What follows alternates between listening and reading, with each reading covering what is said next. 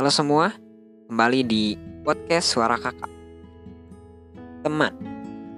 Teman menurut gua itu suatu kebutuhan penting bagi kehidupan ya. Karena tanpa adanya teman, kita itu nggak akan tahu hidup dengan yang namanya bersosial. Teman dalam kehidupan gue itu banyak. Ada teman yang cuma butuhnya aja, teman belajar, teman curhat, teman makan, main, pokoknya segala deh.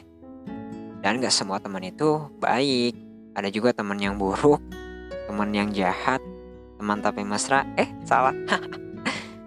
Yang paling gue benci adalah teman yang bermuka dua. Baik di depan tapi soal ngomongin kejelekan di belakang.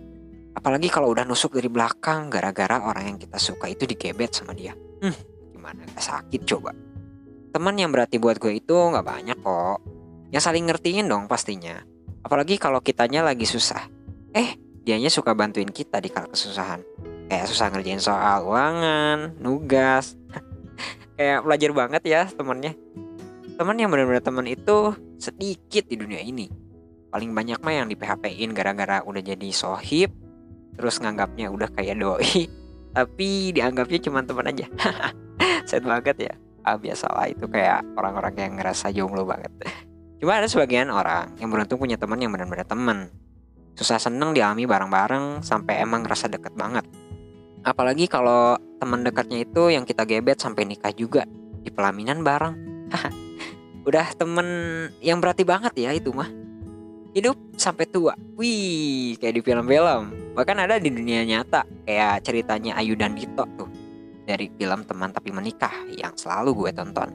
Itu mah emang Allah udah nakdirin bareng kali ya sampai tua. Jadi teman itu buat gue janganlah cuman karena butuhnya aja. Kita itu harus saling ngertiin apalagi sampai tahu sifat aslinya. Benci boleh, tapi jangan keterusan. Harus saling maafin juga kalau ada salah. Terus jangan sampai teman yang udah dekat sama kita itu dibikin kecewa. Apalagi karena suatu hal jahat yang pernah kita bikin ke merekanya gitu, ke temannya gitu. Gue sih cuma pengen ngasih pesan aja nih ke kalian-kalian. Bijak-bijaklah cari temen. Jangan sampai ngerasa punya temen tapi apa ya kayak cuman butuhnya doang gitu kan. Jadi kesannya ini temen apa bukan sih? gitu ya. Ya paling cuman gitu sih soal pembahasan tentang teman pokoknya nantiin terus ya di podcast suara kakak untuk episode selanjutnya. Dah